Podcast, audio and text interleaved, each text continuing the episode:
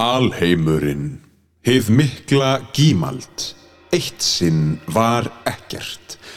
Svo varð til eitthvað. Stór sprenging, mikli kvellur. Allt sem er varð til á einu augnabliki. Í fyrstu var óreiða og sundrung, alheimurinn var ungur og orkumikill, efni og gas á víð og dreif tók að dragast saman í massa meiri einingar. Þegar þéttleikin var nógu mikill mynduðust stjörnur. Og svo mynduðust fleiri stjörnur og fleiri stjörnur. Núna, 13,8 miljörðum ára síðar, hefur 95% allra stjarnar myndast. Alheimurinn er að eldast. Hann getur ekki afkastað jafn miklu og áður. Stjörnurnar eldast líka. Þær klára eldsneitið sitt og deyja. Sömuleiðis stjörnu þokur, einn daginn slöknar á öllu. Þá verður alheimurinn myrkur og kaldur. Eða hvað? Kanski fer hann að dragast saman. Aðdráttarafl milli stjörnu þoka dregur þær saman. Allt efni, allt gas, allt rennur saman í einn óendanlega þjættan punkt með óendanlega mikinn massa þar til allt springur og mikli kvellur endurtekur sig. Eða hvað? Kanski, kanski ekki.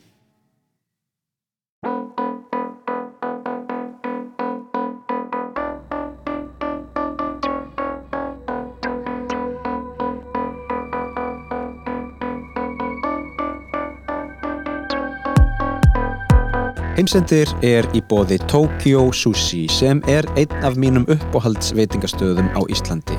Af hverju? Jú, vegna þess að þau sérhæfa sig í japanskri matargerð.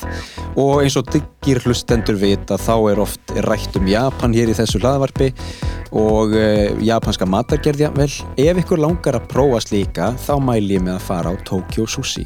Auðvitað eru að tala um sushi, það er maki sushi sem eru rullutnar, það er nigiri sushi sem eru kottarnir litlu sætu, sem eru uppáhaldi mitt notabene, síðan eru aðri réttir sem þið hefði kannski ekki heyrt um, heitir réttir á borðið japansk curry, núðluréttir eins og ramen og udon, ef þið vitið ekki hvað udon er þá mæl ég með að skella ykkur á Tokyo Sushi og prófa það. Síðan eru ný hádegist tilbóð í hverri viku og ég veit ekki hvað og hvað. Skellið ykkur á Tokyo Sushi og upplifið japanska matargerð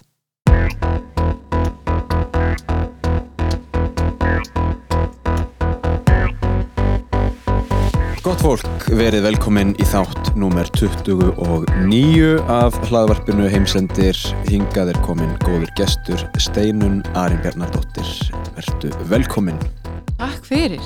Hvað segir þú gott? Er ég sé bara rosa gott. Ekki? Gaman að vera komin.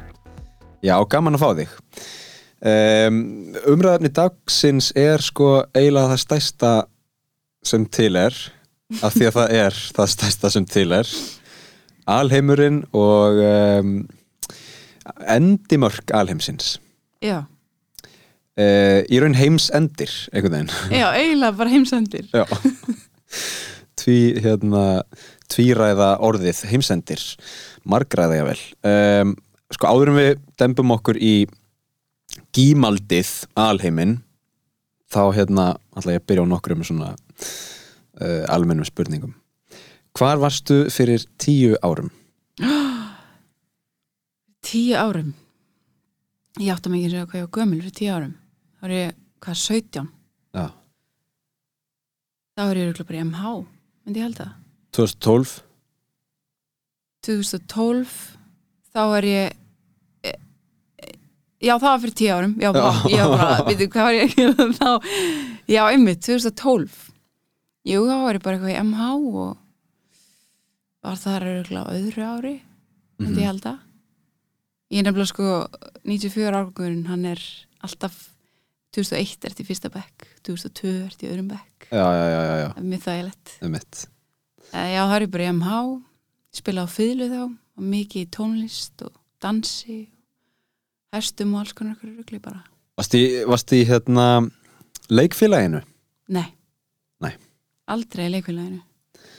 það kom setna Já, það kom svolítið setna, sko. Ég neginn var, ég var á listansbraut, MH. Þannig að ég var einn af þessum nefndum sem var að horfin úr skólanum fyrir 11. já, já, já. Þegar þá byrjaði bara ballettskólinn. Mm Þannig að ég neginn að margt sem ég vissi ekki að það væri MH fyrir bara nýlega. ok, Ég bara, þú veist, lærði hvað morfís var bara lungu setna, sko. Ég bara, neginn, var bara svona lítill draugur í MH.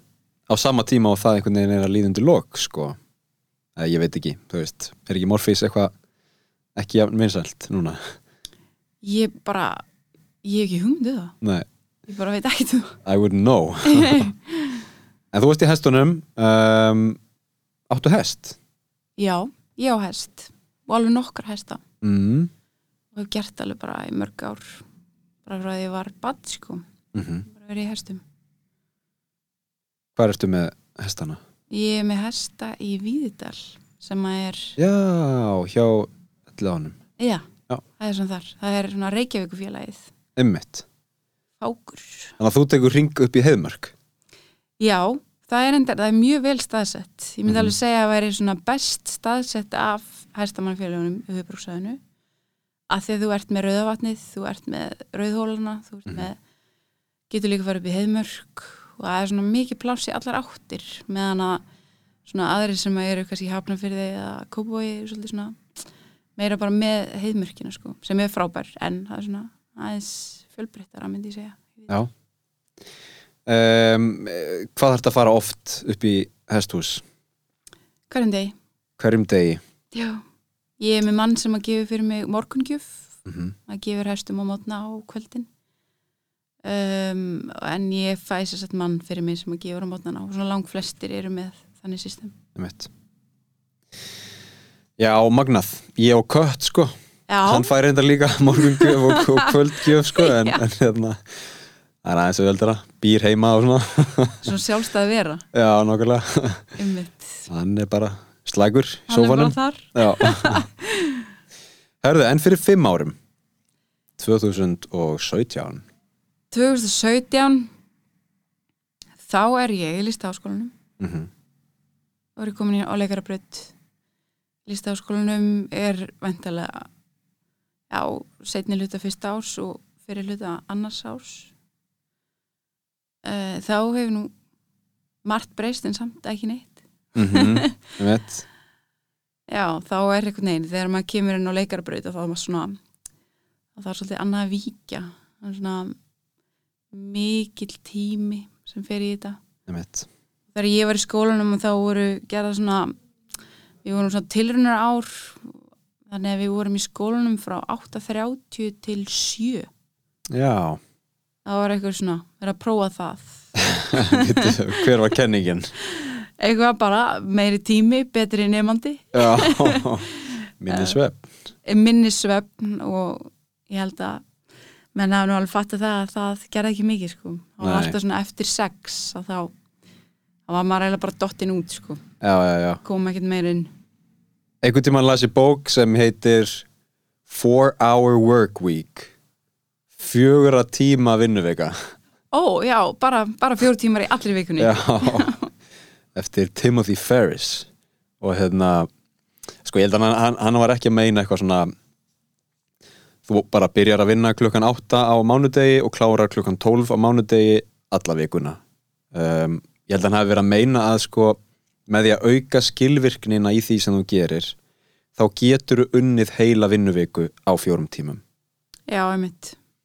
Ég skil hvað það meinar. mm Ég meina að veist að þetta er alveg, það er alveg mikið til í þessu ég held ég, held ég hef heyrt einhvern tímann að hérna, til dæmis fólk í svona skrifstofustarfi að það er uh, svona meðaltali með einbyttingu í, þú veist, ég veit ekki 2-3 tíma á dag.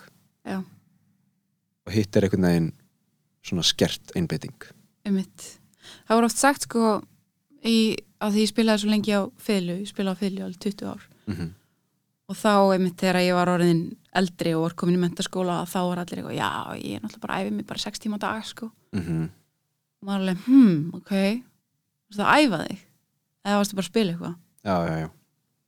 Að því að þú getur eftir bara í klukktíma sem er samt, sko, er jafn mikil afköst eins og bara spila eitthvað drastl í sex klukktíma einmitt.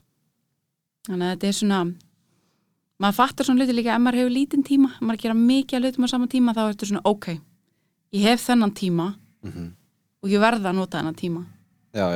Það er bara, þú veist, ég hef ekki allan tíman og ég er algjörlega þannig, ég er bara ef ég hef allan tíman í heiminum þá ger ég eiginlega ekki neitt. Mm ef ég hef engan tíma þá ger ég rosalega mikið. Það er bara Einmitt. eitthvað einn þannig að, smá erfitt fyrir sko uh, fólk eins og mig sem er svona frílans ef ég er sko ef ég er ekki að fá borgað fyrir afköst heldur á tíman já, og er mjög skilvirkur þá fæ ég minna borgað já það er ekki alveg nóg gott það er svolítið erfitt sko. En svo þarf maður samt líka, finnst mér, að stundum, þá þarft ekki að vera í 100% afkvöstum og það þurfi ekki allir dagar að vera þannig. einmitt. Stundum er líka bara mikilværa að vinna með skemmtilegu fólki og, og það er bara einhvern veginn að líða einhvern veginn áfram í vinnundeginu með líka stundum allt í lagi. Já, algjörlega og þú veist þetta, þetta með sko einbettingu í 2-3 tíma á dag ég held að það sé ekkit að því og ég held að við viljum ekkit fara með það upp í 8 tíma á dag Nei, veist, það er bara fínt, er það ekki bara fín afköst og svo ertu restin af tímanum að hérna, já þú veist byggja upp eitthvað vinnu anda eða teimis anda eða skilur við taka góðan hátegismat og hérna mm spjallum lífið og tilveruna og gera eitthvað sem skiptir máli algjörlega. Ég held það sko. að því sögðu þá hlakka ég alveg til sko að prófa einhvern tíman svona 9 til 5 sko og vera bara hérna geta svona aðeins verið á, á hérna BBC eitthvað að brása og fengi, fengi tímaköp fyrir það sko en, en það er ekki í staðan í dag Nei, maður þyrfti, maður þyrfti til að fá að prófa það sko. já, einmitt Eitthvað svona skrifstofu, þú veist, ég er alveg í vinnu núna þar sem að maður vinnur oft frá 10 til 4 mm En það er samt ekki alveg, maður hefur ekki mikið space eitthvað svona til að vera að brása. nei, nei, nei, nei, það er alveg hands on Það, já, það er smá svona hands-on dæmi.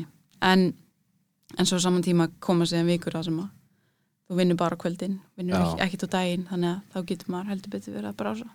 já, einmitt, ef maður ef maður er þannig sko er ekki mismunandi bara eftir sko leikurum og, og fólki sem er í svona vinnu ég meina, þú ert með sýningum kvöldið Mm. sumir geta kannski nýtt allan daginn Já, mitt. en aðrir eru einhver, einhvern veginn sko með svona hálfan, eða þú veist hugsandi um kvöldið allan daginn, einhvern veginn? Já, mitt. Mér finnst fyrir mig allavega að bara mjög ólíkt að þá, maður er mjög meðvitaður um það allan daginn. Mm og það eru svona sumar ákvarðanir sem maður tekur ef ég kannski í hestus eða þú segir að það er mjög kallt úti, ég ætla kannski ekki að láta mig verða geðveitt kallt í dag. Einmitt, ekki lengi, af því ég bara þarf að vela, velu blöðu hérna klukkan klukkan átta. Mm þannig að maður tekur ákvarðanir svona út frá því en síðan hef ég líka bara verið heppin að til leita að ég hef verið að sína síningu sem er sínd fimm sinum í viku -hmm. og þá þarftu bara að gera hluti já, já, já, og þá ertu líka kannski búin að sína hana þá oft að þú ert ekki lengur svona, þú getur svona aðeins, þú veist, þú gerir hann í gær og, og Mhm. það er svona situr í þér sko.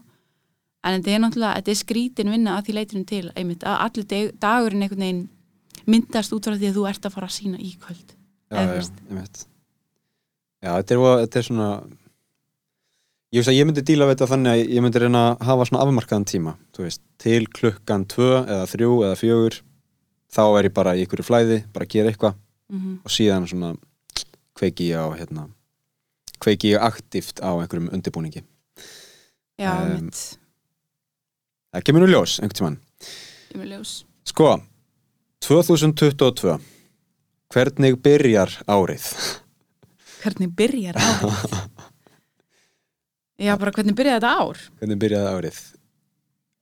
Um, ég var á Hallgrímskirkju. Ég, ég, ná, ég var þar alveg bara þegar byrjaði, byrjaði. Já, um, sko, þú veist að ég veit ekki, mér er bara að finnast þetta fyrir eitthvað fínt sko, já, hún er eitthvað gott ár, hinga til. Þótt að þessi búið að vera geð mikið COVID og allt í rugli og okkur svona. Einmitt, það er nú búið að vera sko ágætis veður í bland við storma einhvern veginn. Já, það er búið að vera alveg þannig. Og mér finnst núna eh, svona síðustu vikur er allt í henni komið smá svona vetur mm finnst mér, svona alvöru með snjó og einhverjum látum. Uh, og síðan bara allt eitthvað í svo miklu rugli út af COVID. Aðlega, einhvern veginn. Já, já, já. en samt alveg eins og hefur alltaf verið en samt eitthvað svona aðeins meira og svo aðeins minna og eitthvað. Já. Einhver tíman klárast þetta kannski.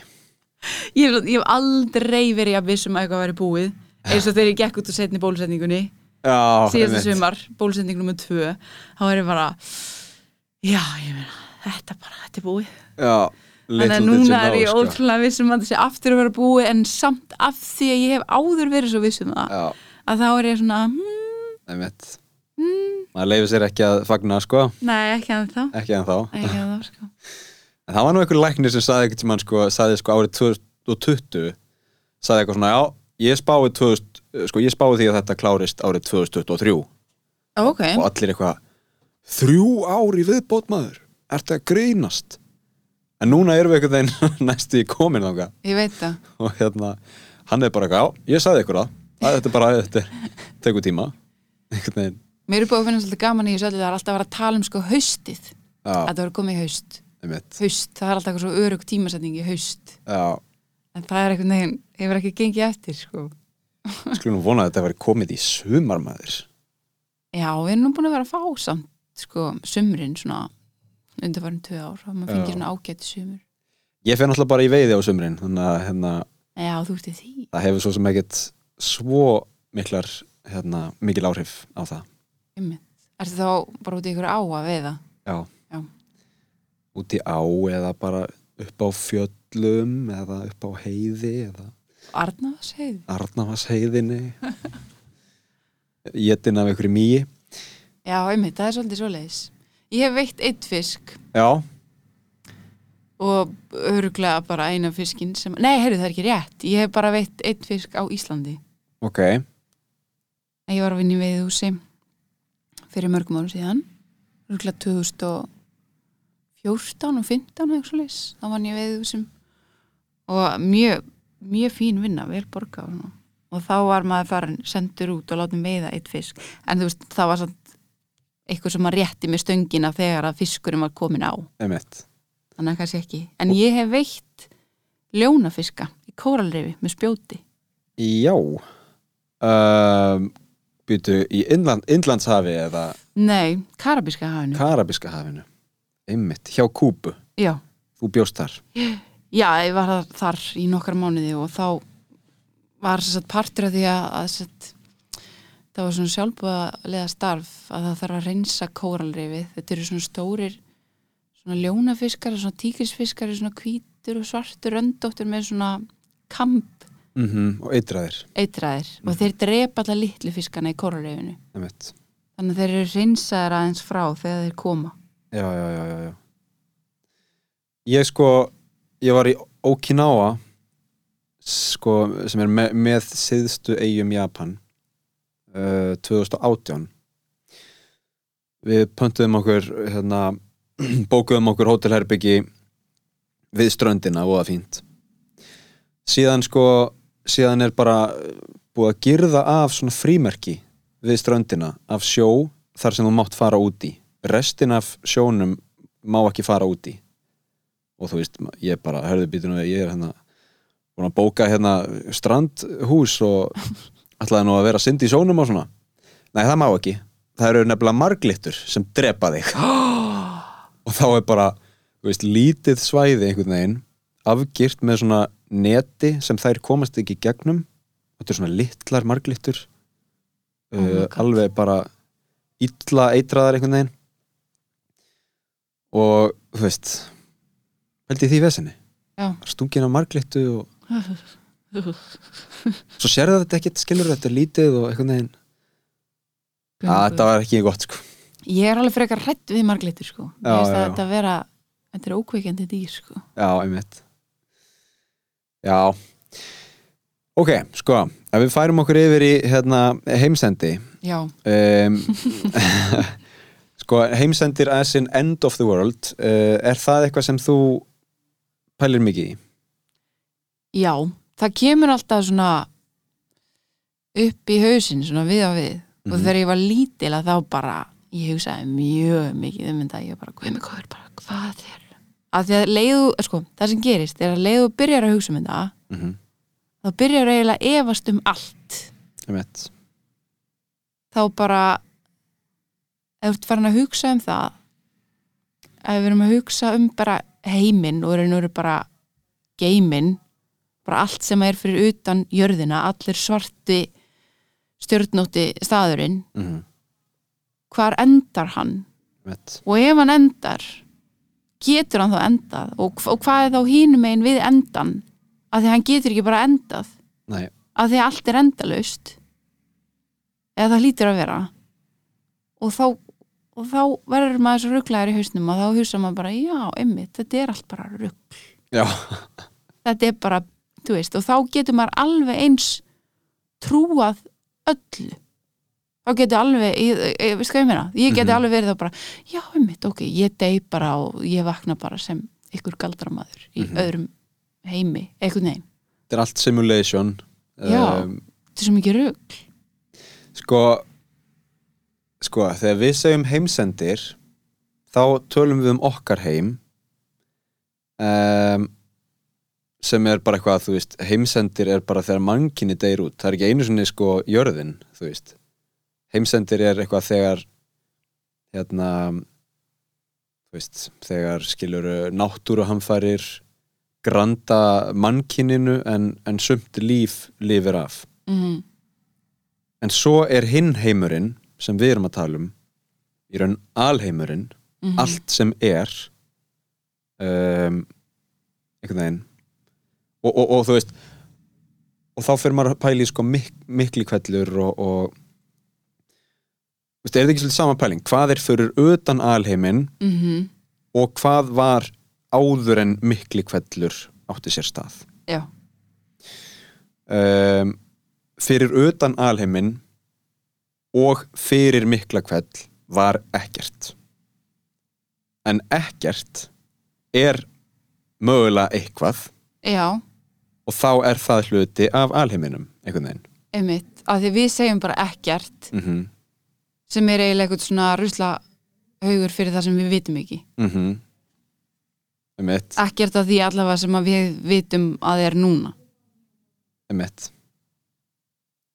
og þá og þá skilum maður bara ekki neitt. Það er sko til að einfalda þetta þá er oft talað um hinn sínilega alheim.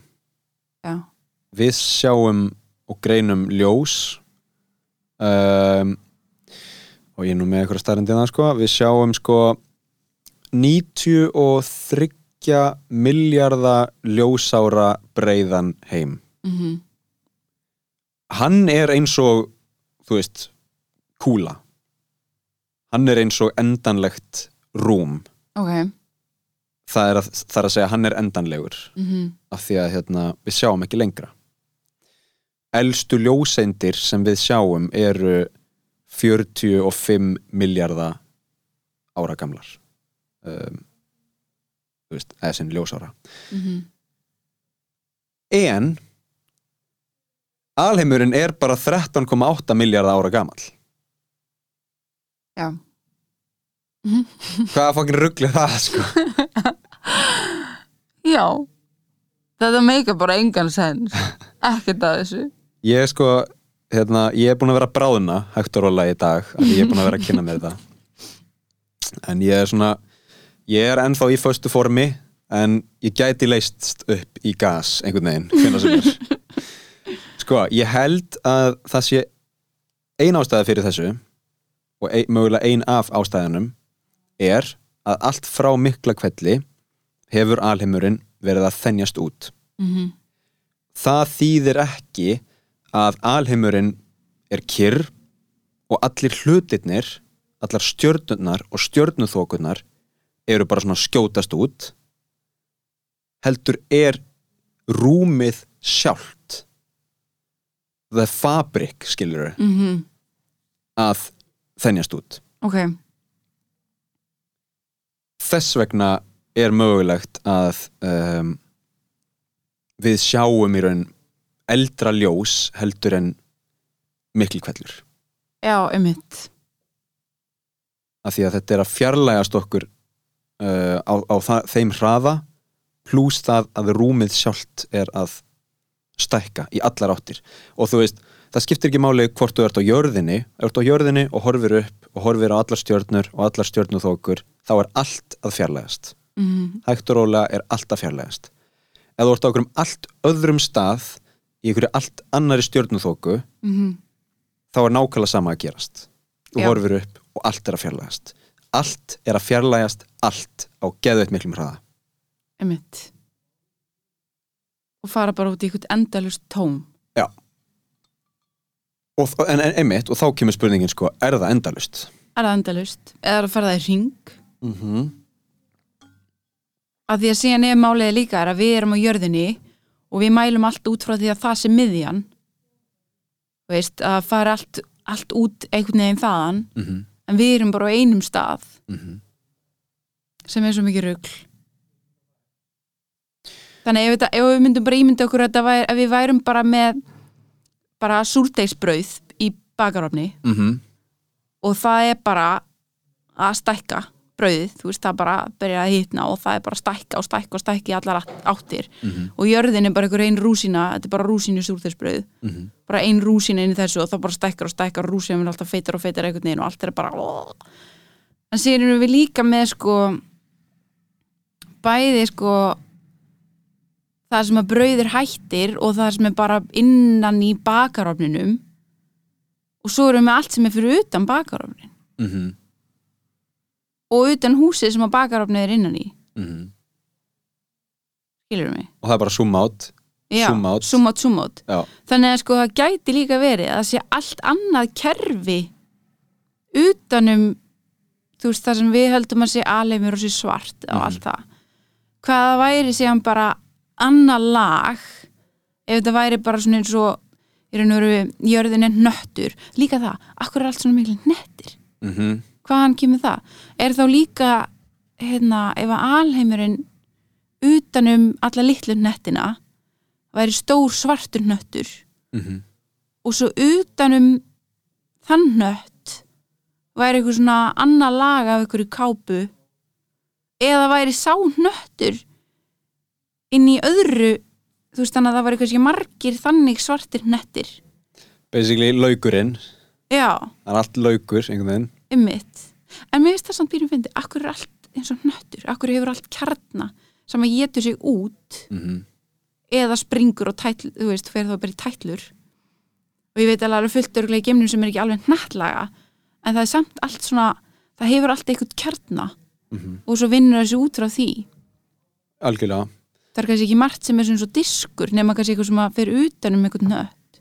Já, nema í hugum sumra hérna, einstaklinga þá er jö- jörðin diskur. Já, já, reyndar. Það myndi einfalda mjög margt.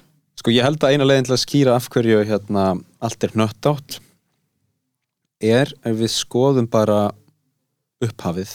Já.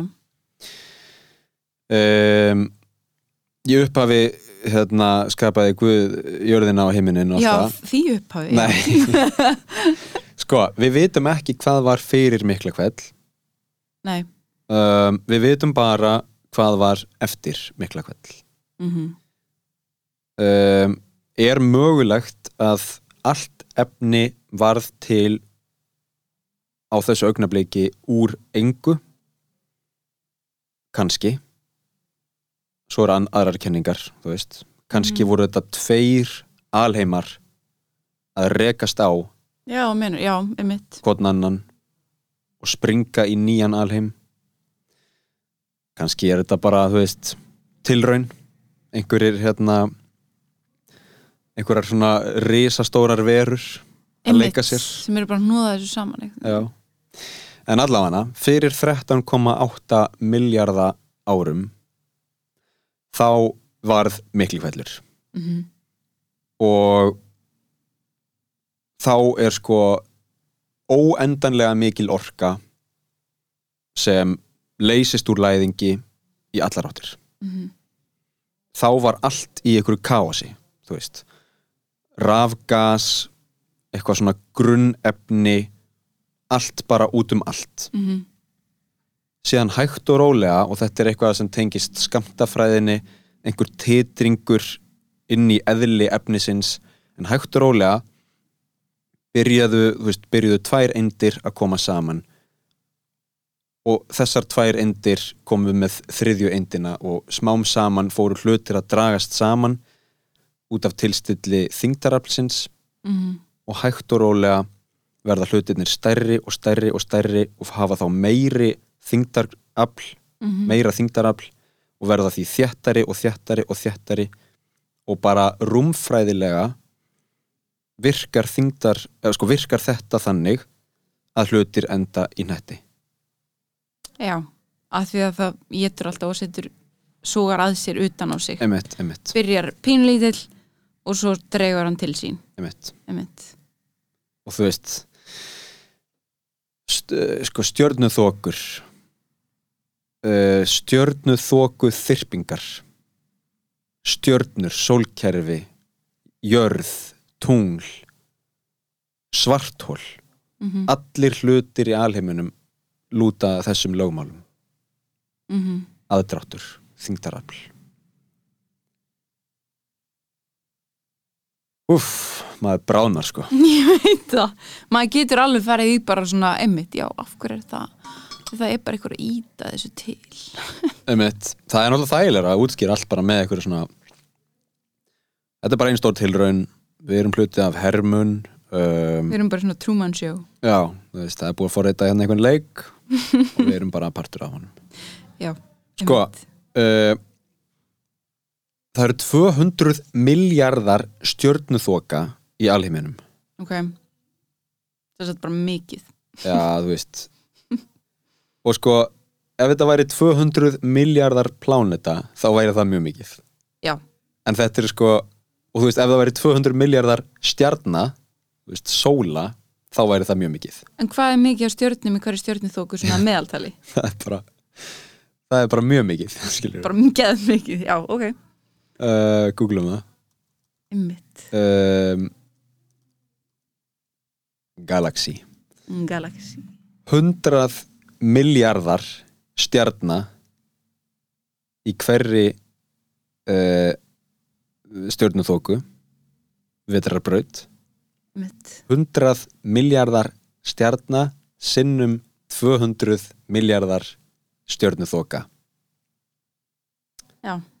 Um, Það er bara eitthvað svona tölur sem maður kann ekki segja þú, veist, bara, þú skrifar þessa tölu á laugavegin og hún nær bara frá skilur Ingolstorki bara upp í skeifu sko. Já. þetta er bara rugl Þetta er bara algjörð rugl um, ok, en allavega hann hérna já, eitt sem ég sá líka sem er alveg hellað heimurinn, alheimurinn er að stækka hann er að þeinast út um, hann, þann, hann er að þennjast út hraðar og hraðar og hraðar og hraðar Já, þú veist, út af einhverju sem heitir hulduorka dark energy ok Hvað er hulduorka? Ég er ekki alveg viss. Það er orka sem kemur frá hulduefni. Hvað er hulduefni? Ég er ekki alveg viss. En það er eitthvað svona, Örugleika sem við erum bara ekki búin að fatta nákvæmlega hvað það er nei, einmitt. Það er eitthvað efni sem við sjáum ekki en gefur frá sér einhverjar, einhverjar orku, einhverjar bylgjur. Einmitt, já Þannig að það er mælanlegt, en maður sér það ekki. Mhm. Uh, en út af þessari hulduorku þá er alheimurinn að þennjast út hraðar og hraðar og hraðar. Síðan koma þrj, þrjár sviðismyndir. Númer eitt. Hulduorkan staðinnar, það er að segja hún bara vex línulega. Mhm. Alheimurinn vex stöðugt, línulega, þanga til einn góðan viðurdag, uh, í raun ekki góðan viðurdag, en ég við, Mhm. að allar stjörnur og stjörnuþokur deyja út. Bara eldsneiti klárast, partíið búið, alheimurinn verður bara svartur. Já, bara orkan er bara búin Já, Já, um, allavega þú veist, brunin og, og hérna, samrunin sem er náttúrulega mjög svona ópoetískur og einhvern veginn leiðinlegur heimsendir, En er ekki samt lögmál orku þannig að í raun og veru getur orka ekki eðst mm heldur orka verður bara annari orku? -hmm. hún flýst bara yfir eitthvað annað? Almennt er það þannig sko. Um, en maður veit náttúrulega ekki hvernig huldu orkan nei, mitt sko. breytar sko. Og svo bara, þú veist, ef alheimurinn bara stækkar og stækkar og stækkar og stækkar óendarlega mikið þá er orkan ennþá, ennþá til staðar en hlutfalslega er einhvern veginn svo mikið svo langt á milli allra hluta í heiminum allar stjörnur dauðar allar stjörnuþokur dauðar. Þetta er bara eitt risastórt gap, þú veist. Mm gímald, svart, myrkur ekkert. Mitt þetta er samt, er bara Já. mér finnst þetta svo gæðið áhugavert með orku að hún, hún eyðist ekki heldur hún flýst bara yfir eitthvað annað. Mm -hmm. Af því að við erum ég og þú, við erum orka. Maður er einhvers konar eitthvað, eitthvað, býr einhver orka í manni og maður er með einhver orku. Mm en svo dyrðu hvert flýsta orkan þín. -hmm. að því ef að lögmálið er þannig að orkan getur ekki eðist, flýst eitthvað annað hvert fer hún? Hún fer eitthvað annað. Já, eins og lítur að vera þú sem lífvera sem orka og þá sem alheimur sem ein hildar orka lítur þá að flytist eitthvað annað. Eins og til dæmis eða væri tveir alheimar sem að skella saman og það springur mm -hmm. þá hafði samt getur til þess að mynda annan heim af því að þeir týna aldrei orkunni. Ef við sko ég meina? Algjörlega. Orka klárast ekki. Um, hún tekur á sig mismunandi myndir. Mm við erum með hreyfi orku varma orku, efna orku þegar við deyjum þá er ekki lengur hreyfi orka -hmm. ekki lengur varma orka efna orkan er til staðar. Já, maður heldur eitthvað aðeins áfram eftir úr dáin og líka eitthvað já og svo er bara þú veist smá svona grúsum og allt það en skilur upp bara lífverur sem bara nærast á manni og eitthvað svona og, hérna, Já, algjörlega, og fá, fá orkur því sem Já. verður bara mold sem verður að tre eða þú veist, eitthvað svona. Já, algjörlega. En þú veist, ég skil alveg sko, að því þegar maður byrjar að hugsa um þetta að þetta er svo þetta tekur mann svo langt út úr raunveruleikanum að hugsa um endalokal heimsins og hvað er hvað, hvað er heimdallur á endanum að býða og segja að heimurinn sé búinn. Já, að þá getur maður alveg farið að hugsa bara einhvern veginn að ég veit ekki. Svona, e- er maður líka ekki bara einhver, einhver sál, einhver orka sem að kannski bara flist í einhverju mynd einhvert annað? Mm ekki endilega að vakna upp sem eitthvað annað en, en einhvert lítur að fara af því að það er mér svona svipað að hugsa um heimsenda er líka bara hvað verður um vitundina mína eftir að ég er dáin einmitt. Er þá bara ekkert aftur? Uh, eða fer ég bara aftur á sama stað ég var áður en ég fættist þú veist ég man sko þegar, þegar svona trúleysi um, varð eitthvað vinsælt á sínum tíma. Mm þá var þá hérna var þetta svona stór hluti sem einhvern veginn uh, fólk hafði mismunandi álit á og, og, og skoðun á. Þar að segja er líf eftir dauðan -hmm. og margir, þú veist trúleysingjar, minnst það reyndar ekki fallegt orð, sko, en, en hérna fólk sem trúir ekki á, hefðbundin trúabröð eða whatever uh, voru oft sko svona innan geðsælapa að státa sig af því já, það er allt í lagi, það er bara þegar ég deg, þá, þá verð ég ormafóður, já, ég Hvað? deg bara. Þá er bara ekkert. Það er allt í lagi, það er bara hrættur við það? Nei, nei, nei, nei ég er ekki hrættur við það, það er bara, þá klárast þetta bara. Eitthvað svona. Um, og svo er, er fólkið sem trúir sem segir, segir þú veist, nei, það, það getur ekki verið það hlýtur að vera eitthvað annað. Og, og, og trúleysi er oft sko samofið einhverju svona ultravísindahyggju mm -hmm. og, og, og rökhyggju. Og ég er mjög vísindarlega þengjandi. Mm en þá spyr maður sig á móti sko. Er eitthvað bundið í rök við það sem er að eiga sér stað í heiminum? -hmm. uh, pláneta þar sem öll dýr eru dýr nema eitt. Já.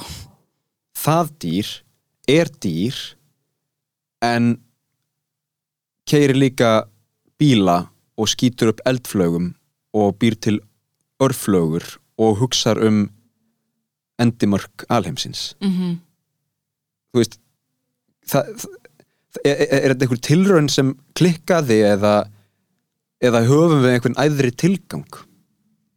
Já, meina þannig.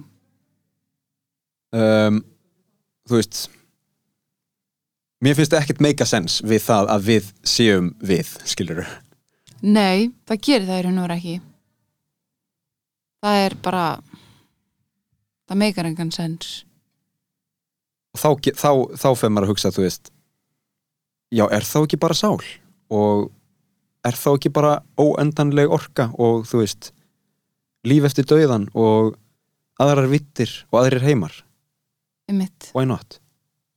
Ég meina ég fyrir mitt leiti þá bara það hlýtur að vera þú veist það hlýtur bara að vera til svo margt sem maður veit ekki um.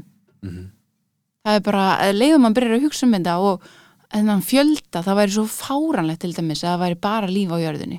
Það væri fáranlegt -hmm. og það er bara einhvern veginn allt sem að er fyrir utan og ef við erum komin svona langt að vera búin að finna út af þessu og hinu og þessu og hinu hvað eru aðrir búin að komni lengra í að skilja eða veist, allt og svo er líka bara eigum við að vera að reyna að skilja þetta? Eða ámaður bara einhvern veginn að trúa bara á einhverja fallega veröld sem kemur eftir að maður deyr og, og treystaði bara að það sé eitthvað fallegt. Mm -hmm.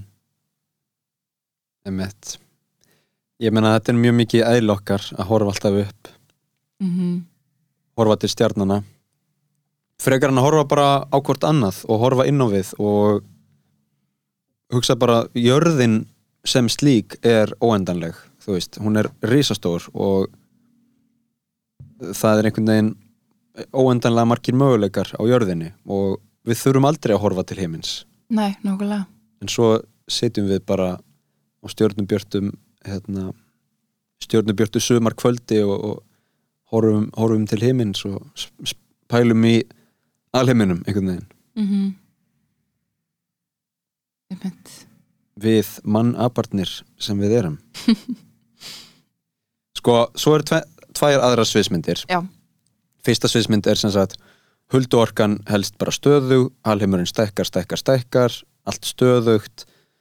Eh, einhvern tímann klárast ork eða sko, hérna í mitt, eldsneitið samrunin eh, einhver slekkur ljósin og bara, þú veist, partí búið. Mm Númer tvö, hulduorkan eikst og eikst og eikst, vel í einhvers konar veldis vexti og bara eikst upp úr öllu valdi sem þýðir og af því að þessi hulduorka er í raun það sem er að orsaka það að, að, að alheimurinn sé að stækka og þennjast út. -hmm.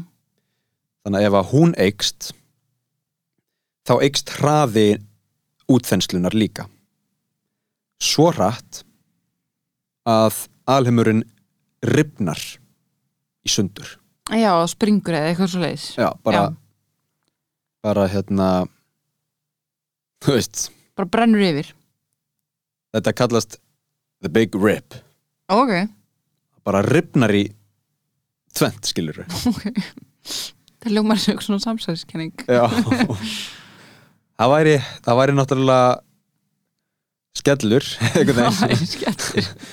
Ef að hérna Hvor megin maður lendir í brotinu Já, nákvæmlega.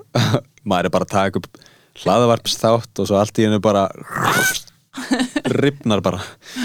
Um, það er eitt. Og svo er þriðja scenarióð, sviðismyndin ef að hulduorkan minkar, minkar, minkar.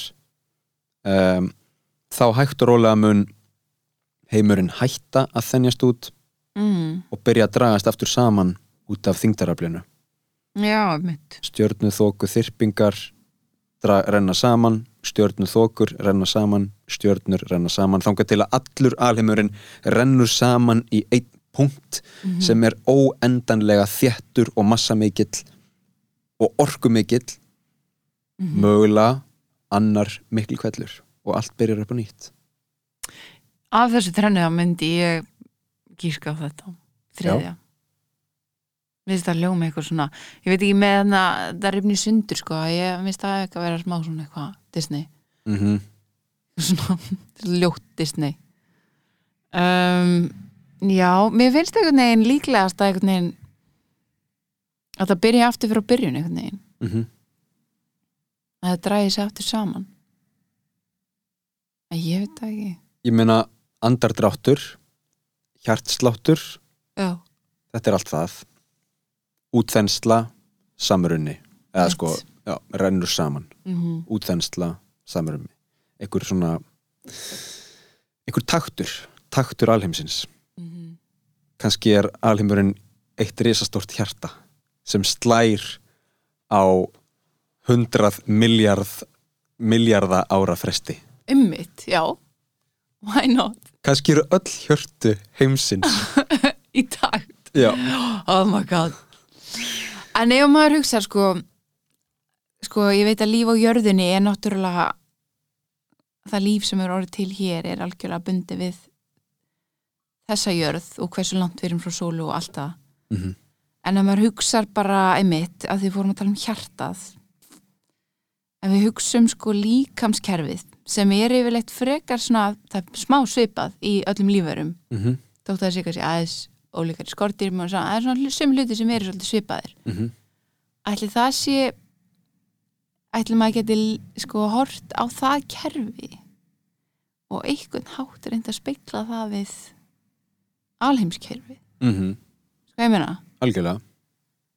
bara svona þú veist það hefur allt einhvert hlutverk í einhverju heild til þess að gangi upp. Mhm, og þetta kemst ekki annum og þetta sé svona og þetta þarf að virka og svo allt í hennu kemur einhvern krabba minni þetta og þá klessir þetta og þetta og eitthvað svona. Einmitt. Eitthvað rugglast á leiðinni eða gerir uppreist það er engin munur á öllu og öllu einhvern veginn sko.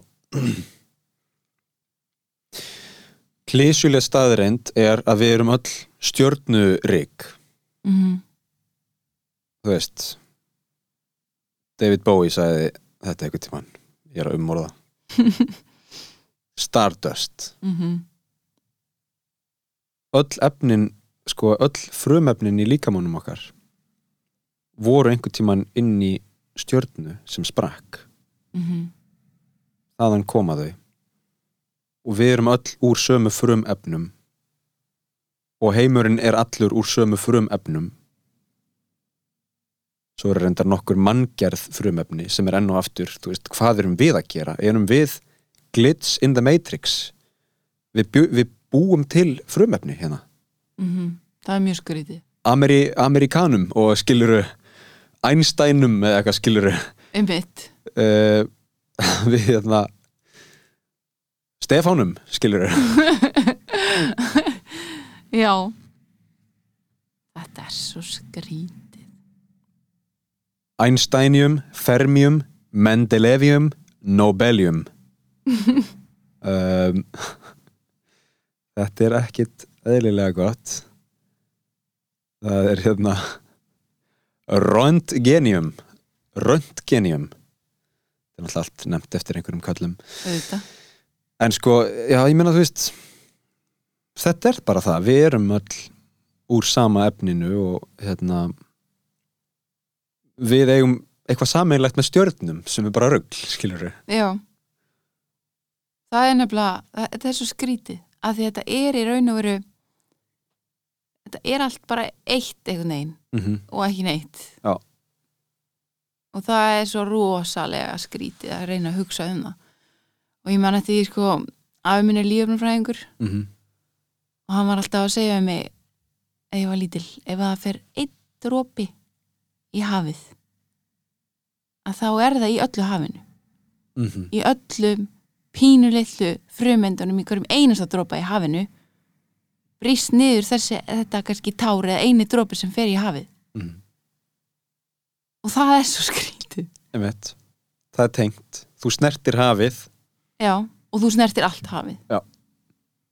Í gegnum hafið getur tekið handaband mm við manneskju í, þú veist, Indonésiu já, það er algjört rugl, sko. En svo er maður líka búin að finna veist, síðan, já, síðan veist, þetta er svona pínulillu mólekúlin og allt það sko. Mhm. en síðan er náttúrulega núna eins og bara sem er svo skrítið eins og við COVID og svona, það er náttúrulega líka bara því að við erum bara erum alls þar út um allt. Skrítið hvað svona einn sjúkdómur getur einhvern veginn farið á milli svona rosalega hratt mm og verður eitthvað svona eitt stórt alheims vandamál einmitt þannig að þetta er bara alltaf eitthvað svo rosalega skrítið. Og þú veist, við enn og aftur erum svo vís til þess að horfa okkur sem þungamiðjuna já, mikilvægust og rétt há við eigum rétt á að vera hér og vera á lífi og haga málefnum jarðarinnar okkur í vil einhvern veginn. Mm og svo getum við bara hugsað um dýrin og mengunina on the side svona, þegar það hendar. Okkur til gamans. Okkur til gamans. Um, Já, þú veist það er ein góð hérna kenning sko.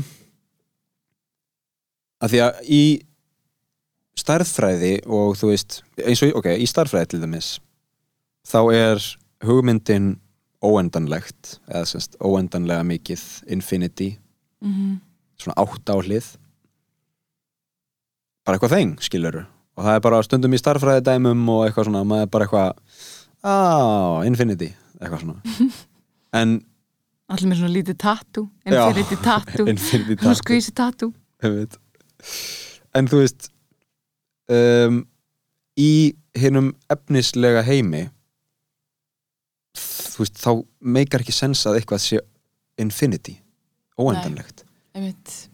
Sko, hér kom kenning. Ef heimurinn er endalaus ef hann er óendanlega stór þá eru óendanlega margir möguleikar mm um allt. Og þá erum við komin í eitthvað svona multiple universe pælingu. Ef þú leitar nógu langt út í alheiminn á gameskipinu þá muntu einhvern tímann finna þig sem er græn á litin -hmm. þig sem er sko 5 metra hár þig sem er með fætur í stað handa og hendur í stað fóta okkur sem erum að taka upp þetta podcast nema á kynversku þú veist, allir þessi möguleikar eru til ef að allt er óendanlegt já. Einmitt. Það meikar engan sens sko. Það meikar engan sens. Það er einmitt, maður spyrsi sko einmitt hvort það sé hvort að þetta sé raunverulegt hugtak sko, Mhm. óendanlegt. Eða það sé bara þannig að mann næri ekki sko, mannheili hann næri ekki utan um það. Nei, nákvæmlega. Þetta er bara eins og hvað var aftur af íslensku að um? Að þeir sko svo er óteljandi já, það er aðeins annað sko. Já, það er bara eitthvað sem er ekki nefn nefnt að telja. Já, eins og vöttin og Arnavas heiðir óteljandi og hólarnir í Vastala eða eitthvað, ég man ekki hvað er eitthvað. Eigarnar í breiða fyrir eitthvað. Þá er, þetta, þá er maður einmitt, þá er þetta svona er, já, ó, þetta er nú bara óteljandi af því að það er bara aðeins svo mikið vissin að telja þetta. Já, já.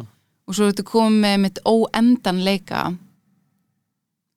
það er eiginlega bara svona of mikið óteljandi og þá svona kemur ennþá stærra hugtak. Mm myndi ég halda að því að þetta er allt svo kalkjulega sko. Mhm, En síðan eru við líka, ég var aðeins að hugsa um það í morgun sko, með tilveruna og svona tilfinningu hvert stærðum. Mhm, og einmitt óendanleika og óteljanlega og allt þetta. Er að við erum hérna, ákveði stór ég er bara hérna 1.76 og þú veist og, og maður er hérna bara lifir í einhvern veruleika sem að þú einhvern veginn nærð að sjá, sjá yfir og, og hafa einhvern svona svona já einmitt þetta, öll mín veröld er bara svolítið svona út frá mér og minni stærð einhvern veginn. Mhm. En ef þú ert mús að þá er það er að hlutvullin er allt önnur og heimurinn er allt annar. Einmitt. Og ef þú ert ennþá minni að þá ef þú ert maur þá er allt allt annað. Einmitt. Og ef þú ert risi sem að sko gengur yfir fjöll þú veist sem er ekki til en þú veist ef þú værir þannig að fjall væri fyrir þér eins og þúfa mhm, eitthvað svona bara rétt að stíga um milli að þá kannski einhver staðar einhverju svona annari jörð í öðru sólkerfi eru verur sem eru kannski jafn stórar og jörðin okkar mhm. Og þær eru bara mm, einn, tveir, þrýr, fjórir. Og getur bara talið allt. Já. að þær eru stærri og þá verður allt minna eða eitthvað, ég veit það ekki og svo ef að við erum að fylgjast með þeim í gegnum sjónauka. Já, Sjáðu, hann eru ákvæður stórar maður. Eitthvað svona. Þá eru þær sko ótrúlega hægar. Já, einmitt, já, Svona relative sko. Einmitt. Hörðu, hann er búin að vera að drekka vasklas þrjú ár já, einmitt. Þetta er eins og hérna, hvað heitir aftur hérna Kristoffer Nolan myndin, Interstellar? Já, þegar það er eitthvað svona annað tímakerfi á öðrum plánendum já, af því að þau fara svo nálægt hérna svartólinu já, og þá einhvern veginn líður tíminn og þá eru búin bara eitthvað 50 ára og hann er bara búin að vera þar í 5 mínútur eða eitthvað svona. Og þá er bara að fokka með tíma sem hann gerir mjög mikið og það er náttúrulega bara, þá er fyrst verðum að röglaða sko. Það er náttúrulega breinmelt sko. Um, og þá, veist, pælir maður þú veist, fólk sem sem bara einhvern veginn er gýrað í að hugsa svona. Já, um, Einstein er kannski of klísulegt dæmi en þú veist fólk sem er bara eitthvað já, theory of relativity já, já, ég, ég, ég, ég skil það. Ég sé það fyrir mér. Uh, það, það er meikar fullkomið sens eitthvað og þú veist já, já, nei, þetta er af því að sko hérna, svartólið er þarna og hann er þarna og þá sest, varpar tímanum og, og, og, og, og maður bara, veist hvað er að gerast, skilur einmitt, Ég skil þetta af því að Kristoffer Nolan málaði upp svo skemmtilega mynd sko, Gaurin var, þú veist, 25 ára einhvern veginn í, í hérna, gameskipinu og svo þegar þau komið tilbaka sko, kortir í setna notabenni þá var hann bara hann 50 einmitt. Búin að skrifa skilur og dóttir hans búin að bjarga heiminum eða eitthvað Já, svona eitthvað og bara hann gekk umil og hann bara, tjöfull voru þau lengi maður það er alveg rugglað sko. en svo er maður sko, ég hef, af því að maður fær bara verki allstaðar að hugsa um þetta en ég hef mjög gaman af því þegar að fólk eins og bara Kristofur Nólan, bara í sinni list er bara, er bara að pæla í þessu og bara koma með einhverjar listrannar útfarslega af því hvernig mögulega það gæti verið. Og það er svo skemmtilegt af því að þetta er svo fucked up og reyna einhvern veginn að setja ykkur reglu á þetta og reyna að láta þetta make a sense en samt alltaf að skilja þið eftir eitthvað byrju, var, hann búin að fatta það? Nei, já, þú veist. Emmett skilur þið alltaf eftir með alveg bara fleiri spurningar heldur en þú? Heldur en þú mætti með sko. Og mér finnst það mjög skemmtilegt og mér finnst það svolítið djarft Mhm, að, að, algjörlega. sko, að pæla í þessu. Að því að þetta er eitthvað svona dæmi sem maður er svolítið bara svona, öð, þú veist, ég get ekki talað um þetta. Mhm. að því þetta tekur mig frá fasta góða raunveruleikarunum mínum og hverstasleikarunum sem að ég vil að sé eins og hann er og það á að vera eitthvað svona fest, festa í lífinu mínu Mhm. en þetta bara algjörlega bara tekur allt á borðinu sko. Ú. Nei, ég meina það er hérna þetta er bara eins og þú veist þú ert bara eitthvað að fara að hlaupa marathon mm -hmm. þá bara þarftu að setja því í stellingar og líklega æfa því og undirbúa því andlega og líkamlega það er bara nákvæmlega sama og það að dempa sér í einhverja, umræður og samræður um alheiminn, skilur við einmitt, þetta er bara massa hugaræfing. Algjörlega og bara ekki gefast upp. Bara leiða og bara þú veist, heilin byrjar að sjóða þá bara Já. ok, við höldum áfram. Já, já. bara af hverju er hann að sjóða? Þá setur þú egg krakkar egg á hausinn og Einmitt. hérna, heldur áfram að hugsa á meðan það spælist. En ætli það sé samt bara svona bara ef maður heldur áfram að ímynda sér hluti bara sé bara eitthvað teimi bara sóttvarnar teimi alheimsins sem að bara hækkar hitast í, í mannslíkama sem er að reyna að skilja þetta mm til þess að koma í veg fyrir að að hann reyna að skilja það. Ertu að tala um uh, ef þetta væri bara eitthvað svona ef við værim öll bara strengjabrúður e, Já, ef við værum strengjabrúður eða þetta væri eitthvað svona þú segjum svo að það væri frumur í líkamanniðinum sem að bara alla stjörnum frumundar sem að raunverulega skildu þetta mm -hmm. og vissu söguna Einmitt. og í einhverjum veruleikara gætiru farið inn í einhver draum þar sem að þú bara sæir minninguna, minningu, stjörnum minninguna sem lifir inn í þér Mhm. en til þess, en af því að bara eins og bara fólk sem lendir í áfalli þegar bara stundu slekkur skrokkurinn á þér bara af því að þú getur ekki Einmitt. kópa og þetta væri svona smá svona aðeins að hita upp svona að reyna að láta hana að fara að hugsa um eitthvað annað. Svona að fara nú og taktu íbúfinn og aðeins leði sko. að því að minningin, sko, stjörnuminningin inn í systeminiðinu veit hvað gerðist en þú hefur ekki getið til þess að, að skilja það Einmitt. Þetta er hérna uh, þetta er alveg þeng sko um, það er einhvern veginn sko ég veit ekki hvaða dæmi ég er að hugsa um en um, jú, kannski bara þú veist, maður hugsa alltaf eitthvað svona hvar eru geimverurnar? Já, einmitt, og kannski eru þær eitthvað svona við ætlum bara að býða og fylgjast með þeim. Þangað til þau fara að gera eitthvað skrítið þá Mhm. þurfum við nú að skerast í leikin eitthvað svona? Og þú veist, þau eru eitthvað búin að horfa á okkur varpa kjarnorku sprengjum og þau eitthvað svona ef við ekki að fara núna, ef við ekki að, ef við ekki að skerast í leikin núna? Nei, býðum aðeins lengur það er er næst. Nattræn hlínun kemur næst, fylgjum stæðins með þeim. Hvernig, eitthvað svona. Og það er eitthvað svona svipu pæling, þú veist. Einmitt. Og svo er einhver einhver skilur manneskja sem situr í baðkari eins og hérna um, ekki hérna Aristoteles heldur Archimedes, nei, manna ekki. Allan einhver, einhver dúti eða whatever. Mm situr í baðkari og eitthvað svona hörðu byrju, ég held ég sé að fatta alheiminn. Hörðu, já, þetta er, þetta er að koma Júríka eitthvað, hleypur út, skilur fróðan og vatnið leikur af honum eða henni og hérna þá bara svona koma þessar frumur bara, nei, tónaði niður, tónaði niður. Já, slögt á honum.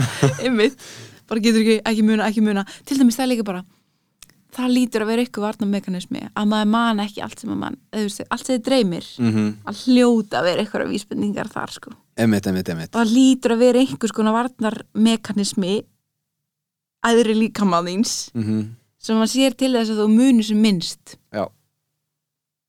þú muni, já, Einmitt.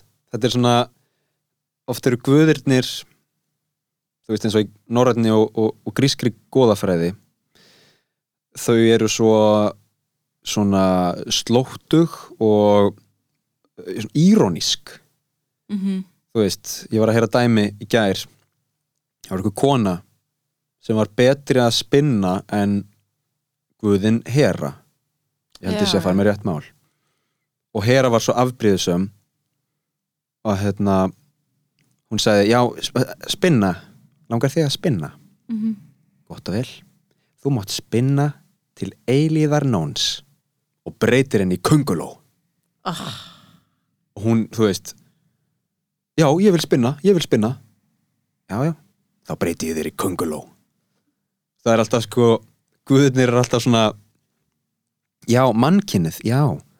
Viljið þið skilja alheiminn? Mm gott og vel.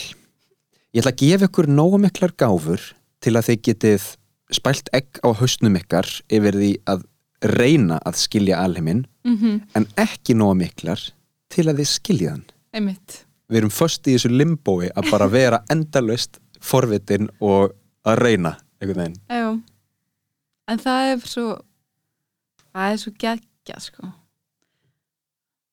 En það er samt sko já, mitt en svo spyr maður þessi líka það er svo margt eins og við, við dýr og svona. Það er einhvert svo annað kerfi sem við skiljum ekki mm -hmm. sem þau skilja svo vel. Já, algjörlega. Sem er bara það er, það er líka alveg ótrúlegt sko. Það er mjög margt alveg sem þau vita sem við vitum ekki. Ég sá um daginn en nú eftir smá grúsam samt bara náttúran sko. Mm um, ég sá fálka drepa rjúpu Já, einmitt. Sástu það bara hérna? Já, ég sá það hjá Bláfjöllum Já. hann var bara á, þú veist flugi svo sér hann eitthvað sem ég sá ekki Einmitt. og stingu sér alveg bara á því líkri ferð Mm beint niður og bara grípur hana og þú veist, klárar málið, afgreiðir málið -hmm.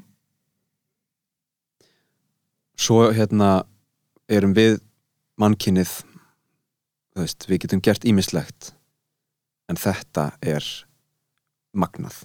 Mm þú veist dýrin sem eru til dæmis bara á Íslandi búa bara hérna upp á hálendi í mínus 20 gráðum og einveru og búa við aðstæður sem við getum aldrei ímyndað okkur -hmm. og þau hafa gert þetta bara í mörg þúsund ár. Já. ekkert vandamál. Gott system bara. Við einhvern veginn þetta er svona þetta er bæði okkar mesti kostur og mögulega okkar mesti galli að við erum forvitin og leitandi og horfum alltaf upp til stjarnana mm og það er það sem gerir okkur kleift að þú veist, gera alls konar hluti. En á sama hátt þá erum við svona erðarlaus og getum aldrei bara settlað og þú veist, verið bara eins og hérna refurinn sem er bara eitthvað að hlaupa á milli og leita sér að mat og í einverinni, einhvern veginn. Einmitt. við hefum líka við hefum svo mikla tilnýjung að vilja vera úr takt sko. mm Nei, takt við náttúruna og aðeins svona, þú veist, testa og prófa hversu mikið maður getur fengið af kökunni. Uh, einhvern veginn. En það er, og það var ótrúlega fyndið, ég var síðasta sumar þá var ég að fara hérna, þú veist að keira frá Reykjavík. Hvert var ég að fara? Var ég, ekki að fara? ég var að fara að fara dýrafjörð. Mm -hmm, löng keisla og ég var með hund með. Mm þannig að ég veist að "Ah, það er svo mikið löng keisla fyrir hund er að finna einhvern góðan stað á leiðinni til þess að stoppa og taka bara mjög góðan göngutúr. Að vera bara svona miðjan.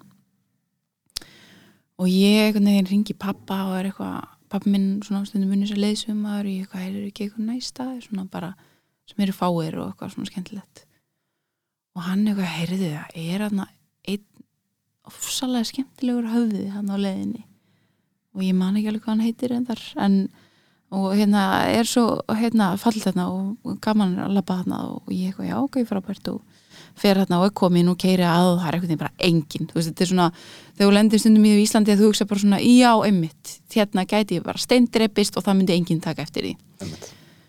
Og við förum hana og byrjum að ganga og fyrst er svona, maður leggur á stað og leggur bílnum og maður er eitthvað svona, já ok menni, fólk hefur nú lagt bíl hér og hérna, hérna er eitthvað svona lítil kindaslóðu við get allt hann og það byrjar og bara gengur vel og svo bara einhvern veginn verður alltaf minn og minni slóði og, og meir og meir þúfur og rosa mikið af bara svona íslenskum gróðri sem að bara þurfti virkilega að lifta löpum hátt til að komast yfir og, og maður var svona að byrja svona smá að vera svona pínur hrættur sko. Já. að því að maður er eitthvað heyrið að því að jörðin hún getur alveg glift mann sko hvar sem er á Íslandi svona sérstaklega það er blöytt sumstaðar og maður veit ekki alveg hvað maður er að stíga niður og svona. Síðan heyri ég bara bara hundurinn byrjar að gelta og ég eitthvað svona líti upp. Og þá er bara örn risa stór örn. Ég hef aldrei séð svona stóran örn á Íslandi og ég var bara, minn góð bara oh my god, að því ég er náttúrulega bara með hund líka. Það var nú reyndar íslensku fjárhundur en maður er samt svona, maður veit ekki hvað er gera sko. Eða eru með reyður og svona og ég er eitthvað svona, heyrði, nei, ég ætla nú ekki ég, ætla, ég er nú betur en þetta, við höldum áfram við höldum áfram og höldum áfram. Þá kemur annar. Og ég bara, hvað er minn góður? Ok, það er bara eitthvað fjölskylda hérna. Jésús, heyrði, ok. Það er samt að halda áfram og fer einhvern veginn og næja að fara og, og er svaka erfitt að komast í gegn og kemst einhvern veginn nýra sjó ofan í fjöru. Og þá sé ég bara tói viðbútt og ég er bara í útreymingar hættu my ass, bara ég er einnast með fjórum. Já, og ég bara er allt í einu stödd eitthvað staðar á jörðinni þar sem að bara, bara snúast við hýrarkían Mhm. og ég er bara komin lengst fyrir neðan Mhm. og ég bara fer bara eins og hundur með skotta myndi lappana bara gríp hundin og bara hunskast í bílinn og bara vona allan tíman ég drepist ekki á leiðinni einmitt. Og kærasti mín var með mér og hann var bara einhverjum tímabundi komin með að því að þeir voru að steipa sér svona yfir okkur sko. Þeir eru með, voru með reyður eða eitthvað. Ég hugsaði bara, ég á ekki að vera hérna. Ég er bara að tröfla líf sem að þú veist, ég á ekki að vera hér. Einmitt. ég þarf bara að koma mér hér í burtu. Bara afsakið mig. Já. hann bara með stein í hendinni ég veit ekki hvað hann ætlaði að gera við hann en bara þú veist, bara gera mér svona varnar viðbrað en það var mjög bara, ég hef aldrei lent í því að bara svona, ok vá hvað það er hressandi að vera ekki efstur Mhm. í hýrarkíunni svo kemur inn í bíliðin og þá ertu einhvern veginn búið búa til svona skíli yfir litla manns líkamann og þá er ekkert að gera við því en það var svolítið hressandi sko. Og þá ertu svona, heyrðu, ok. Ég komst ekki að höfðanum Nei, af því að þið vildu ekki lega mér það og það er bara allt í lagi. Já, og þeir ráða þarna já, sko. ég þarf ekki að sjá hann Nei. þið hafið síðan, þú veist Já. þetta er allt í góð ég er bara tilbaka sko á móti erni þá er maður bara bara skilur einhver svona kjötpóki skilur bara, bara 100% sko. Maður er bara gelatín algjörlega okkur heimskur íslenskur hundur eitthvað, bara heldur hann eigi eitthvað á móti svona dýri sko maður bara, Jesus, maður. bara kondir í burtu bara, guðminn, almáttur sko. þeir geta alveg lofta, ég veit nú ekki hvort það geti lofta svona hundi en ég meina lítill hundur, ekkert mál. Grípi Mhm. klær og fljúa með henni í burtu sko. já, já, það er með tveggja metra vængkaf já, þetta, er- þetta er svakalegt sko. en Alveg ég var fein, ég get sagt það allavega ég ætla ekki að segja hvað þetta er og ég ætla ekki að leita það því að ég ætla bara að bera vinningu fyrir því að þeir eru heima þarna. Mm það er flott. Veist, þá er, bara, er fólk ekki að fara þangað. já, ég meina þetta er nefnilega málið, þú veist. Við erum alltaf að reyna að hafa einhverja stjórn á umhverfinu og þú veist, það er eiginlega veist, við erum eiginlega einhvern veginn vittlesinganir og, og dýrin eru uh, með allt á hreinu. Já, öll mannkinn sagan hefur einhvern veginn snúist um það að reyna að komast sem lengst í burtu frá dýrinu. Mm hvað ef eftir hundrað ár ef við náum ekki að um, leysa okkar vandamál. Og, og hérna við klúrum hnatt, hnattrætni hlínun og við klúrum samfélagsmiðlum og við klúrum gerfigrindinni og öllu þessu.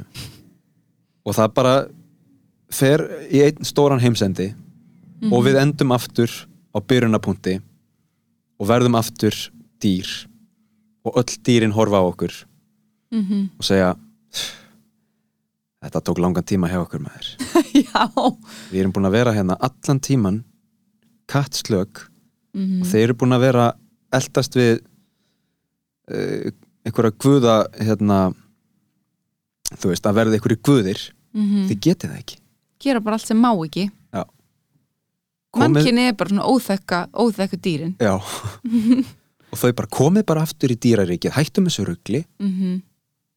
og hérna slökum bara á einmitt, nákvæmlega þetta er eins og bara að því nú á í ross og svona Aha. þú veist, þetta er eins og vera með ross, hestar eru flótadýr þannig að þeir bara eru alltaf mjög velvakandi og það er mjög skemmtilegt eins og með íslenska hestin er að hann, það hefur tekist að halda honum mjög viltum mm -hmm. hann er svona miðað við með dýrsu og sér kannski olimpíuleikunum sem er í ykkur svona hoppa yfir eitthvað svona dót. Þetta er svona algjörlega, það er eiginlega ekkert eftir af neinu viltu í þessum dýrum. Mhm. og meðan að íslenskir hestar eru svolítið svona að reynda að halda í þetta eðli að vera svolítið svona einhvern veginn bara alls konar og þú veist, þau eru svona meira svona kaotískar skepnur. Já, já, já. og síðan ertu einhvern veginn á hérna, miðnætti á gamlarsdag alltaf einhver upp í hesthúsi af því að þau náttúrulega bara halda að sé komin heimsendir. Mm af því að það er bara þeirra viðbröður ennþá bara allt er náttúrulegt Mhm. þú veist, þetta eru náttúrulega hljóð ég þarf að hlaupa af því það er heimsendir veist, ég, bara, ég verð að fá að hlaupa í burtu undan einhverju og við erum einhvern veginn farin að reyna að kenna þeim að fara á móti sko já, já. þú veist, náttúrulegum viðbröðum og bara dýr líka bara hundar bara ég á hund sem var rosalega hrættur og einhvern veginn þetta er svo skrítið sko af því að við erum hætt að heyra Mhm. þau eru ennþá að eiga eitthvað eftir þau heyra ef þau eru úti og, og, veist, og þetta er bara ég meina hestar hafa laupir enda bara fram af fossum og björgum sem eru úti og koma flugeldar af því að þau bara skinja að það er bara Mhm. einhverjum náttúrulegum kringustæðum sem að svona myndi gerast þá bara þarfst að hlaupa en við heyrum ekki neitt að þessu lengur Nei, nei. alltaf þegar þú heyrir eitthvað ljóð í 90% tilfella þá hugsaðu alltaf fyrsta sem þú hugsaðu er alltaf ekki eitthvað náttúrulegt heldur einhvað sem ykkur gerir eða eitthvað. Eins og þú heyrir eða þú ert einn heima í ykkur húsi og þú heyrir hljóð það er einu manneski hérna, það er eitthvað inni það er eitthvað að gera eitthvað. Þú veist það er ekki, það er rosa seint einhvern veginn, já, býtu þetta data þegar það var vindur og það kom feldið, eða eitthvað neginn svona. Já, já. All hljóð, við erum hætt að hætt að heyra, sko, held ég af því að dýr þau nota svo rosa mikið heyrnina. Mhm. það er svona mörgt, margt í þessu, sko. Lykt og Við, sjón og við lifum bara í hinnum manngerða samfélagi og hinnum manngerða heimi einhvern veginn. Já, þú veist, ég held við sem svo sem í ágættri stöð á Íslandi svona öllu jafna en, en hérna fólk sem býr í stórborgum til dæmis bara í Asíu. Mm hefur bara aldrei séð náttúru. Þekkir ekkert nema the concrete jungle. Þú veist kemur til Íslands og bara oh my god. Wow. Wow bara risastórt, eitthvað svona. Einmitt. og maður þarf eitthvað aktífli að draga sjálfan sig aftur inn í náttúruna. Mm já, þú veist ég veit ekki hvað við erum. Við erum mögnuð, við erum rosaleg, við erum stórskrítin -hmm. og hættuleg. Og hættuleg. Ótrúlega öflug. Mm ég meina við erum ótrúleg. Já, algjörlega. Bara að þú getur hlaupið hvað var aftur sagan um eitthvað dýr sem er að hlaupa? Býtum við hvernig var þetta aftur? maður hleypur á eftir einhvers konar dýri, ég man ekki hvað það var eitthvað svona hlaupadýri, antilópu, gasil. Eitthvað þannig hleypur á eftir þeim út í náttúruna. Mhm. hún sprettur á stað. Maðurinn hleypur rólega á eftir. Mm af því að maðurinn mun alltaf ná henni á endanum. Af því að hún sprengi sig. -hmm. þráttur að það er sko, hún myndi aldrei geta hlaupið á hratt. En það er svo merkilegt við mannskefninu hvað hún er mikið útald Mm það er Algjörlega. mjög skrítið sko. Algjörlega.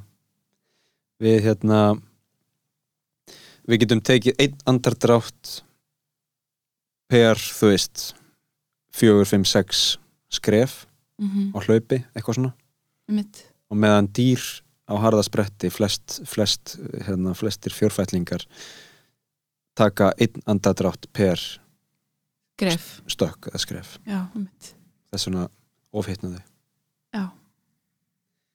Það er útrúlegt Það er ótrúlegt uh, að einhvern veginn við erum með dýrið í okkur svo erum við með stjórnuspekingin spekingin sem hérna horfir upp í heiminn og segir hvar er alheimurinn? Hvar eru endamörkin? Mm -hmm. mitt hvað get ég notað? Já, hvað get ég notað? Jesus maður þetta er, þetta er erfið sko. Það væri þægilegt þetta væri bara heimdallur kallinn bara og hann væri bara stæðið hann á endanum og já, horfið fram yfir. Likla pétur. Leikla pétur, allir þessi kallar sem að hafa þóst vita hvar endamörkin eru. Góðan daginn. Jæja, nú er þetta búið hjá þér og hérna. Já, ég segi bara velkomin uh, til himna. Já, nákvæmlega. Og þetta er svo ótrúlegt sko en það er svo skiljanlegt að fólk hafi fundið sér einhverjar svona sögur og skýringar. Það er svo miklu þægilega því bara. Það er það og af því að eins og við vorum að segja áðan við erum, þú veist, dæmd til að vera þarna mitt á milli þess að vita og vita ekki mm í forvitninni, í, í lei, leituninni. Ef það væri einhverjar gemverur, ef það væri einhverjar verur út í heimi sem væru komnar yfir þetta og vissu -hmm. það væri örgulega sko einhvern veginn mjög leiðinlegt þögult st statist líf. Já, þær væri bara svona ég veit. Ég veit allt. Ég veit upphaf og ég veit endi. Mm og ég er. Og við eitthvað, en bitu, bitu, bitu, bitu hvað? Hvað þú? Þú er að útskýra. Já, nákvæmlega. Og hvað líka bara, ef við vissum mynd allt saman myndi okkur líða betur? Mm eða líður manni kannski bara betur að vera endalust svona aðspyrja sig að því bara hvernig í óskufunum Mhm. er þetta allt saman? Og að því að maður veit ekki að þá getur maður bara einhvern veginn svona fundið sér alls konar útfæslur á því hvernig það getur verið. Já. hvernig maður myndi helst vilja að væri eða og allt það sko og ég held að það sé svona einhverju leiti okkar hlutverk sem skapandi einstaklingar og fólk í svona skapandi störfum að leif okkur að láta ímyndunaraflið og sköpunarkraftin ráða för og, og leif okkur að fara inn í svartólið og, og út fyrir, þú veist, alheiminn og, og Mhm. mála upp þessar myndir og prófa og algjörlega. eins og þú sagðir áðan, þetta er djarft. Mm þetta er ekki auðvelt verkefni um, en það getur verið mjög gefandi algjörlega og líka bara það er svo skrítið bara með mannskefnuna að er að yfirleitt liðurinni betur ef hún talar sko. mm -hmm. segir einhvern veginn hvað hún er að hugsa og ég man þegar ég var í skólanum og var einhvern veginn svona alltaf eitthvað svona að vera að hugsa um eitthvað, aðferðir og maður fekk stundu bara svona, oh, þú veist þurfum við að greina þetta, þurfum við að skilja þetta? Er, þetta er þetta ekki bara svona, þú veist að því þú fær bara einhvern hausverk og þú vilt ekki fara inn í það einhvern veginn. mm -hmm. en maður kemst að alls konar hlutum bara um sjálfan sig og svona ef maður bara aðeins bara reynir að, ég ætla að reyna að reyna aðeins að taka til annað í þessu heila búi hann að reyna að skilja hvað eða komast að ég skil ekki neitt en ég er samt reyndi einhvern veginn að skilja það Mm -hmm. það er alveg gaman og svo sætta sig við það sem maður, maður skilur ekki sko. algjörlega það er alveg en ég fór, ég hugsa mikið um ég hérna le, var að leika stelpu sem var að deyja einu sinni í leikriti og það var ótrúlega lærdumsríkt og skemmtilegt verk og það var svo skemmtileg persóna að fá að leika því að hún var svona svaka röghaus sko og var bara, já, en ég meina og er einhvern veginn að leita að svörum hvert hún er að fara, hún er bara að deyja eftir smá og, og hvað, úr hverju er heimurinn samsettur og, og svona hennar niðurstaða var svolítið bara, þú veist, það er bara við erum bara allt einhvern veginn og við erum ekki neitt og, og við þurfum ekkert að vera að rætta því að, þú veist maður er bara einhvern veginn að fara aftur á stafniðin sem að maður kom frá og það, ég meina, maður man ekkert eftir að hafa verið rættur að þannig maður fættist Nei. og að það er svo óþarfi einhvern veginn að vera rættur við þetta að því að þetta er líka bara eins og í þessu verki á að tala um að veist, lífið er bara allt fullt af einhverjum svona neistum Mm -hmm. veist, og það er bara allt og ekki neitt og við erum bara eitthvað ljós Mm -hmm.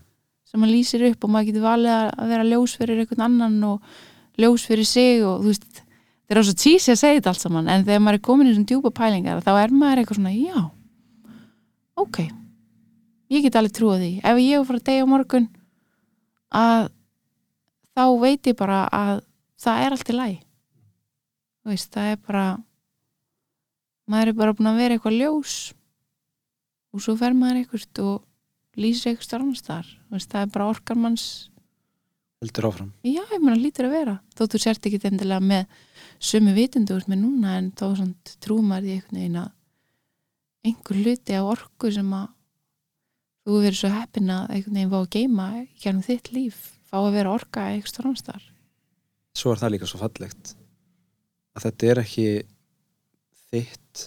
Nei, þetta er bara ljós sem einhver rétti þér.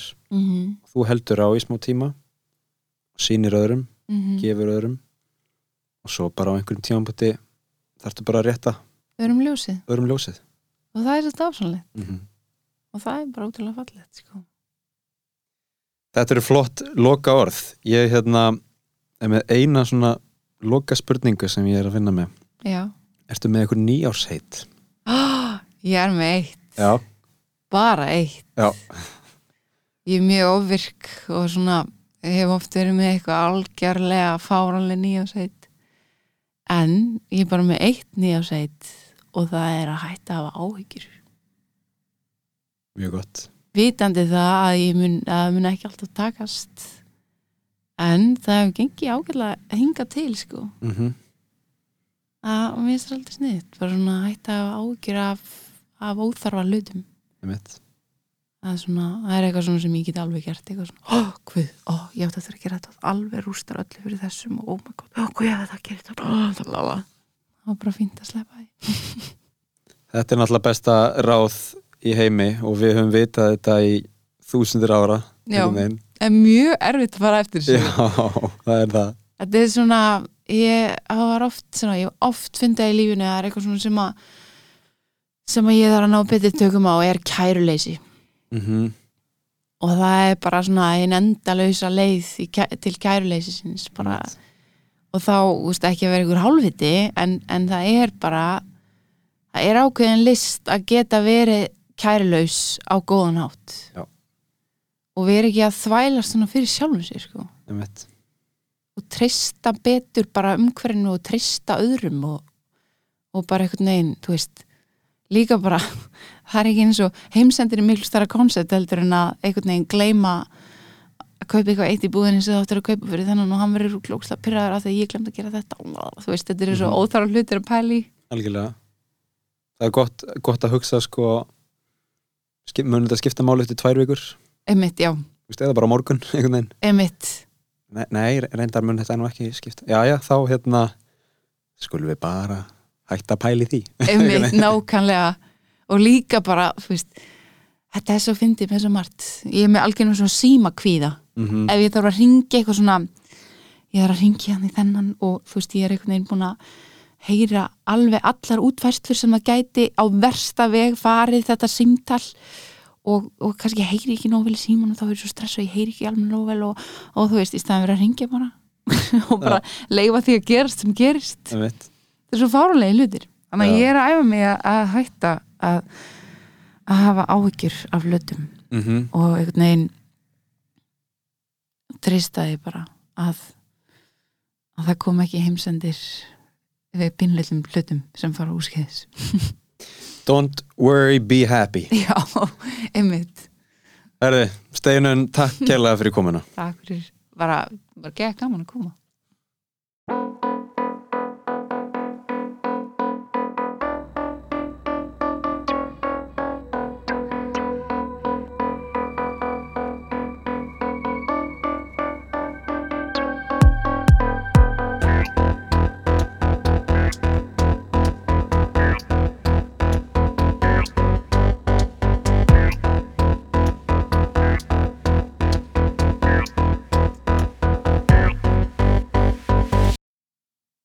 fólk, takk fyrir að hlusta.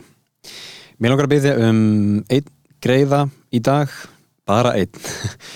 Eh, Það er sem sagt að kíkja inn á Apple Podcasts og skilja eftir eh, review og gefa þættinum og þáttunum yngun. Það er mjög gott fyrir eh, algoritmana og gerfugrindina og allt það sem við elskum. Það er eini greiðin sem ég byggði í minn dag. Takk fyrir að hlusta og við heyrumst í næsta þætti.